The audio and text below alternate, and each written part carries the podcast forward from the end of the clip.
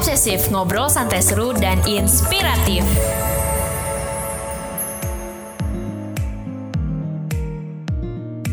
Hai Sobat Kompas, piye kabar re? Api-api ae kan yo? Kompas Corner Widya Mandala Surabaya balik lagi nih bareng Laboratorium Vkom WM untuk persembahin Hmm, apa hayu? Pastinya obsesif episode terbaru dong. Episode kali ini kita kedatangan food blogger kondang asli Surabaya loh, Rek. Yap, siapa lagi kalau bukan Eric Viransberg, founder dari Ed Kuliner asli Surabaya. Bersama aku Mindy yang akan menemani kamu selama 30 menit ke depan. Oh ya, sebelumnya aku mau ingetin kamu nih, podcast kami udah bisa kamu dengerin via Spotify atau Apple Podcast loh. Jangan lupa untuk subscribe ya. Sekilas tentang Eric, ia adalah seorang foodies, reviewer, model, dan terlepas dari itu semua, ia adalah mahasiswa Vkom WM Surabaya. Nah, seperti biasa nih, sebelum sesi ngobrol seru dimulai, aku bakalan cerita singkat kenapa kami mengangkat topik ini, yang nantinya bakalan ditutup dengan beberapa kesimpulan dari hasil wawancara. Stay tune terus Yorek! Sobat Kompas, pernah nggak sih terpikir oleh kalian kenapa kuliner itu adalah industri yang menjanjikan? Mindi kasih info ya tentang itu. Harian Kompas 28 Juli 2018 melansir data dari Badan Ekonomi Kreatif atau disingkat dengan Backcraft kalau industri kuliner adalah salah satu sektor yang paling penting dalam pengembangan ekonomi kreatif Indonesia. Ditambah data dari BPS tahun 2016, sumbangan PDB ekonomi sektor kuliner mencapai 41,4 persen dari total PDB 922 triliun. Dan yang gak kalah penting, ternyata industri kuliner mampu menyerap hampir 8 juta tenaga kerja loh. Dan yang gak kalah penting nih, ternyata industri kuliner mampu menyerap hampir 8 juta tenaga kerja. Oke, terus kalau di Surabaya, gimana nih perkembangannya? Ternyata, oh ternyata, dari 9.200 UMKM yang ada di Surabaya, 6.000 di antaranya bergerak di bidang kuliner. Potensinya besar banget nggak tuh? Nah, daripada dengerin Mindy ngomong terus nih, langsung aja deh, aku kenalin kamu sama Never dari editorial Kompas Corner UWM yang akan cicat sama narasumber kita yang kece. Ojo nang dindi yo rek, stay tune terus. Obsesif ngobrol santai seru dan inspiratif.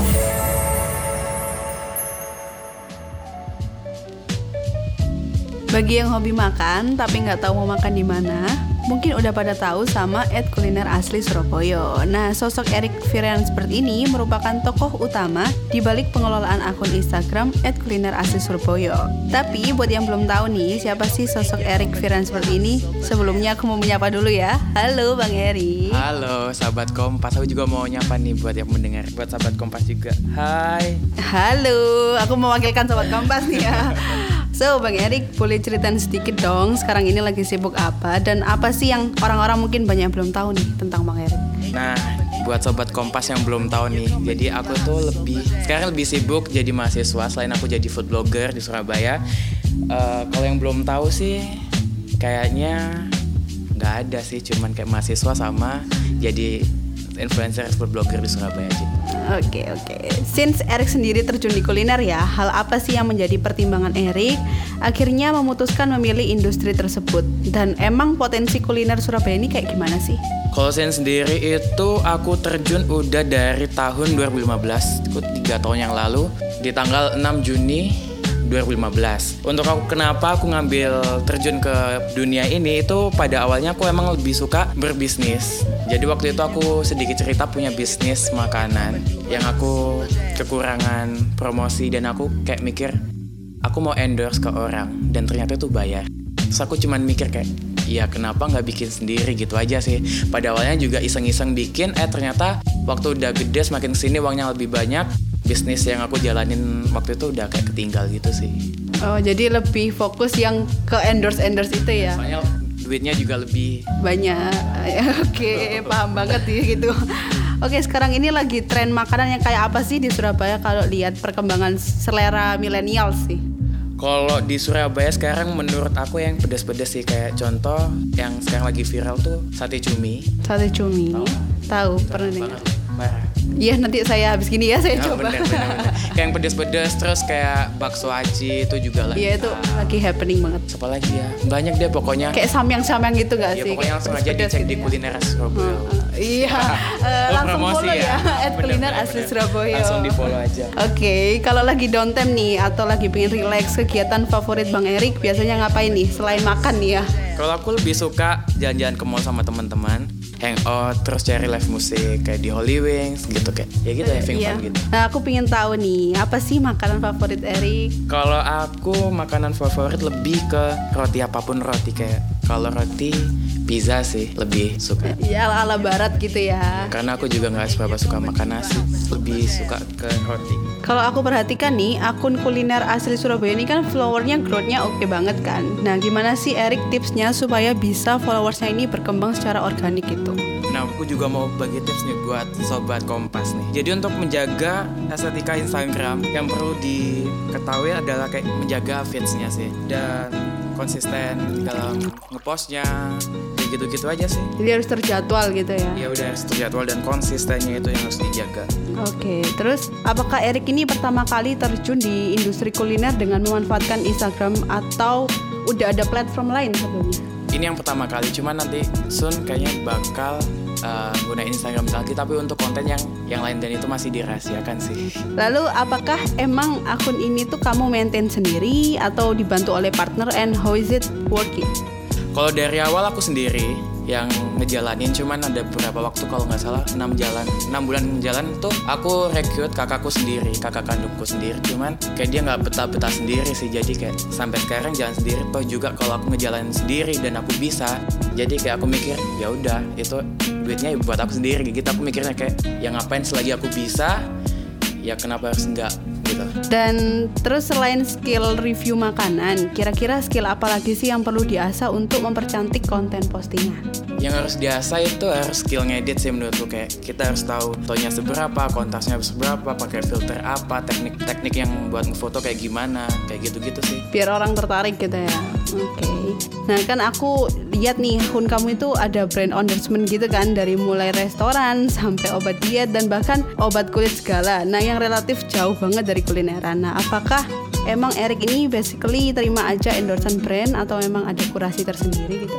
Nah kalau untuk uh, obat diet ini sih sebenarnya punya temanku jadi kayak ya pasti salahnya nggak uh, bantuin temen kalau untuk obat kayak pemutih-pemutih gitu ya selagi dia mau bayar ya why not sih menurutku. Dia semua harus bayar itu ya. Iya benar. Anyway, gimana sih Bang histori awal dari akun Instagram and kuliner asli Surabaya ini? Nah untuk historinya sendiri tuh emang mulai dari kecil sih aku emang nggak pernah dimanjain sama orang tua aku tuh untuk dikasih duit jajan. Jadi waktu sedikit cerita waktu kelas 9 SMP mamaku kayak bilang kalau kau mau cari duit eh, kalau mau jajan mama nggak mau kasih uang. Kalau kau mau ya kamu harus kayak kerja atau usaha atau apa pun itu. Kalau mau usaha pun oke mama bakal modalin. Itu mulai dari kelas 9 SMP terus dari satu usaha ke usaha lain waktu kelas 2 SMA aku kayak punya bisnis itu bisnis makanan. Pertama kalinya bisnis makanan. Dan di situ aku mikir aku kekurangan eh, kayak promosinya. Jadi aku kayak tanya ke influencer di Surabaya juga nih kak endorse berapa? Terus dia bilang kayak ternyata bayar gitu loh. Jadi aku mikir kayak ya kenapa kalau eh, aku bikin sendiri? Waktu itu iseng-iseng bikin sendiri eh ternyata waktu udah gede udah jalan berapa waktu uangnya lebih gede ternyata aku ninggalin bisnis aku yang makanan itu. Kalau boleh tahu itu makanan apa, Erik? itu makanan brownies. Jadi aku bikin waktu itu lagi happeningnya terang bulan red velvet nah jadi aku pikiran buat bikin brownies tapi aku mau berinovasi kalau brownies biasanya identik dengan coklat dan aku bikin brownies itu ident eh, rasanya ada red velvet ada green tea dengan topping yang premium kayak oreo silver bean. Jadi bervariasi gitu ya. Oke, sekarang kita akan bahas tentang persaingan di media sosial nih. Sekarang ini kan banyak tuh ya akun Instagram lainnya yang juga memiliki konten yang sama nih seperti @kuliner asli Surabaya dan pastinya memiliki ciri khasnya masing-masing. Nah, boleh tahu nggak sih apa sih yang menjadikan @kuliner asli Surabaya ini unik, berbeda gitu dari Instagram lainnya? yang bikin unik adalah biasanya pakai bahasa Surabaya cuman itu kadang banyak dikomplain sih sama kayak customer kayak mendingan pakai bahasa kayak bahasa, Bahasa Indonesia. Indonesia, cuman ya gitu ya. tergantung customernya maunya gimana. Karena aku dia bayar aku ya aku harus uh, profesional ke dia dia minta apa ke aku kayak gitu sih. Terus kalau uh, dari sisi lain aku di sini kayak jujur.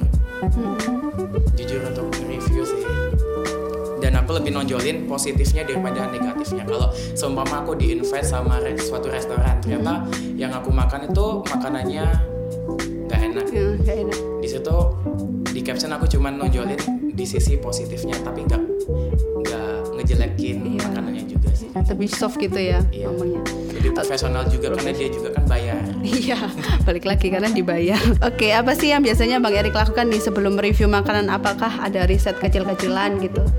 Kalau aku sih lebih sebelum review ya pasti difoto dulu, terus di plating dulu. Kalau udah di foto, di plating ya mulailah di review.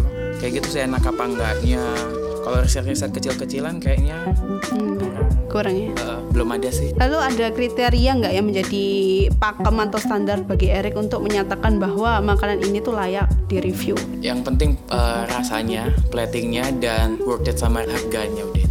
Oh ya, aku juga lihat nih ada brand endorsement yang ya pernah ada nggak pengalaman unik atau kerjasama gitu sama brand? Kalau pengalaman unik ada banget. Itu waktu aku di endorse sushi. Sushi. Susi. Tapi aku nggak mau sebut merek juga. Iya. Pokoknya Makanya Susi. Jadi aku dikasih nih di dihidangkan. Susi tuh besar, banyak pokoknya. Tapi waktu aku udah foto, kan biasanya kan kalau udah kita foto kita boleh makan ngecicipin kan. Dan di situ kita nggak boleh makan sama sekali. Oh, jadi harus difoto, difoto aja. Di foto aja. Kita nggak Oke. boleh makan. Dan eh, setelah itu dia ngasih sushi sih, dibuatin dan bukan yang di foto itu, tapi itu kayak sedikit banget. Itu yang bikin. Gak habis pikir gitu ya. Oke oke, segitunya ya. Oke terus kalau misal brand mau kerja sama sama kamu nih, kira-kira hal apa yang perlu diperhatikan oleh mereka? Yang penting kepercayaan sih kalau menurut aku. Kalau dia percaya sama kita aku juga bisa percayain dia ya why not? Nah sejauh ini apakah Erik pernah mengalami kesulitan dalam menjalankan usaha ini? Dan suka dukanya menjadi seorang food blogger itu seperti apa? kalau kesulitan mungkin waktu kayak ngefoto sih. Karena aku juga jalan sendirian. Kalau ngefoto juga mungkin eh, butuh kayak tangan-tangan. Oh iya iya. Tahu tahu tahu tahu tahu. Nah Kayak- jadi aku ke mana pun meskipun aku kerja sendirian aku pasti ngajak teman-temanku sih. Kalau suka dukanya sukanya bisa dapat duit banyak dukanya mungkin mengendut aja. Oke.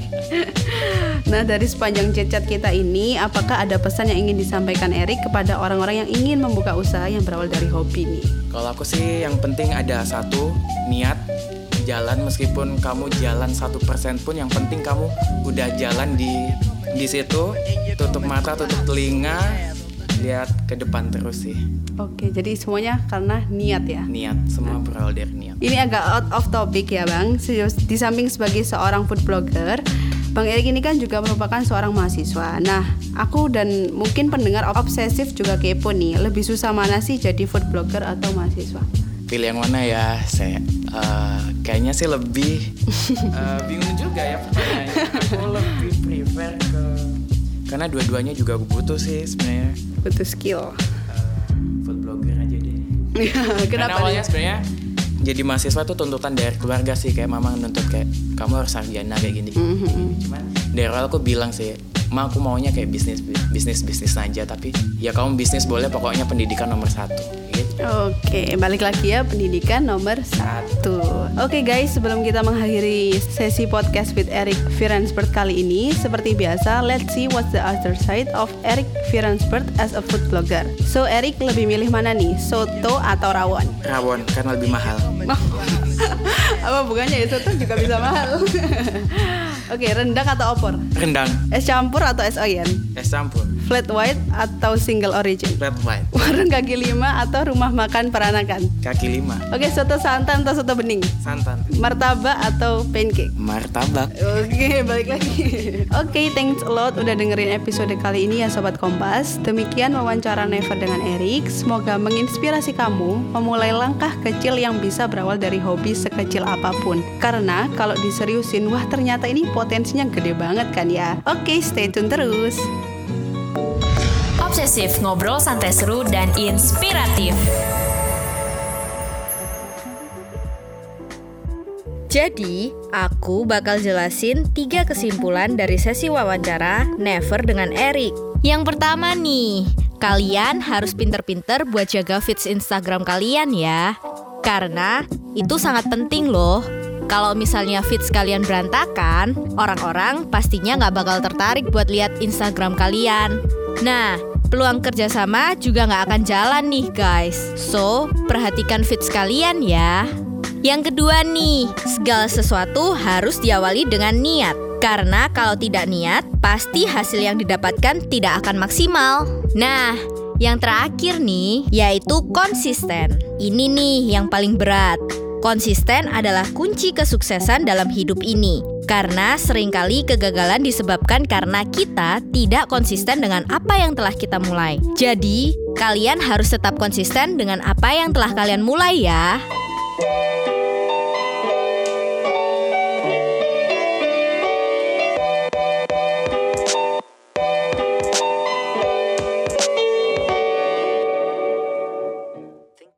Wah, nggak kerasa ya, udah hampir 30 menit obsesif kali ini menemani kamu. Tapi, tunggu dulu ya Sobat Kompas. Mindy mau kasih info nih.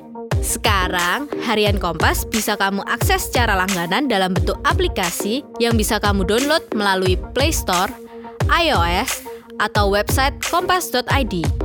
Jangan lupa untuk download ya, biar kamu bisa terus update dengan berita terkini dan yang mendalam tentunya. Oh ya, kamu pingin usulin tema atau narasumber yang inspiratif? Bisa langsung mention kami di Instagram at kompascorner.uwm atau at kompascorner. Yang terakhir nih, kami tim obsesif Aku Mindy sebagai host kamu, Lab Vicom sebagai sound engineer, Renaldo sebagai social media branding, dan Rianta Nefertiti serta Suliana Andiko sebagai produser dan scriptwriter pamit undur diri. Terima kasih sudah mendengarkan podcast kami. Entenono Obsesif episode selanjutnya yo, Rek. Thank you for listening to Obsesif ngobrol santai seru dan inspiratif. See you on our next episode. Bye bye.